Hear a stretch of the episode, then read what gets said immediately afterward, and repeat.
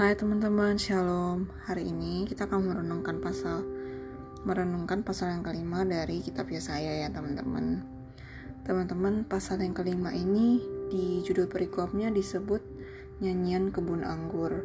Tapi sedih banget tau gak sih nyanyian ini tuh kayak uh, apa ya? Kisah kisahnya itu kita tahu ya di kitab Matius, Markus, Lukas kita sering baca tentang perumpamaan ini yang dikasih Tuhan Yesus gitu ya. Nah, sebelumnya ternyata di Yesaya udah di, di udah ada perumpamaan ini. Perumpamaannya tuh kayak gini loh. Ada satu orang yang punya kebun anggur. Dia tanam tuh kebun anggur dengan apa? Dengan pokok anggur yang baik. Terus dia uh, mencangkul tanahnya supaya gembur, buang batu-batunya, jadikan menara jaga, uh, apa sampai menggali lubang tempat pemerasan anggur ya kita lihat di ayat yang kedua.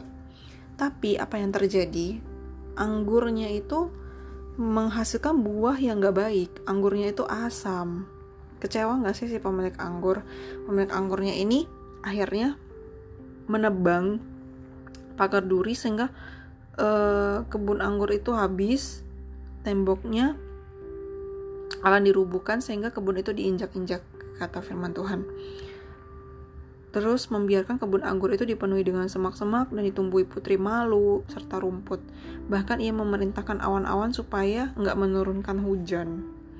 Nah, sebenarnya pemilik kebun anggur ini merupakan apa? Merupakan gambaran dari Tuhan ya. Sedangkan kebun anggurnya itu adalah umat Israel.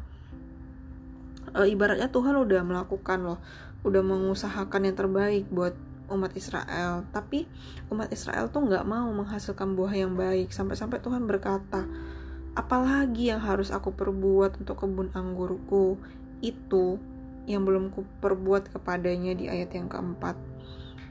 Sampai sekeras itu loh umat Israel. Sampai Tuhan akhirnya apa? Membuka tembok perlindungannya sehingga apa? Sehingga bangsa-bangsa lain menyerang Israel menindas Israel. Nah di sini uh, kita kayak bukan lihat sifatnya Tuhan ya tapi sebenarnya inilah sifatnya Tuhan. Tuhan itu memang panjang sabar penuh kasih setia tapi Tuhan itu juga adil dan tegas Tuhan itu pengen hidup kita tuh berbuah loh teman-teman. Tuhan menolong kita, memampukan kita untuk berbuah. Tuhan mengusahakan uh, apa? Tuhan berkorban berjuang buat kita, nggak kurang-kurang malah Tuhan berjuang buat kita sampai mati di kayu salib loh Tuhan tuh. Tapi apa yang terjadi? Kita keraskan hati kita, kita ambil jalan kita sendiri sehingga apa? Akhirnya buah yang asam yang kita hasilkan. Sehingga Tuhan merasa pengorbanannya perjuangannya itu sia-sia loh. Dan kita harus tahu ya ada waktunya Tuhan untuk membongkar tembok perlindungannya dan mengizinkan apa?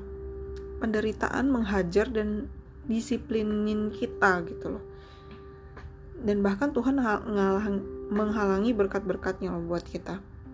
Nah, teman-teman, melalui kitab Yesaya pasal yang kelima ini, yang walaupun sangat mengerikan ya, tapi sebelum ke kengerian itu terjadi, sebaiknya kita sadar, kita bertobat, dan jadilah kebun anggur yang berbuah manis, teman-teman. Aku juga belajar ya, bukannya aku perfect juga, bukannya aku udah udah apa namanya udah merasa berbuah lebat gitu enggak ya sebenarnya di hidup aku juga ya aku bukan orang-orang oh bukan orang yang jahat bukan juga orang yang baik kayak gitu ya. Sebenarnya ada di tengah-tengah sih kalau menurut aku gitu. Tapi hari ini aku mau belajar kalau kita nggak bisa ada di tengah-tengah. Kita harus pilih satu.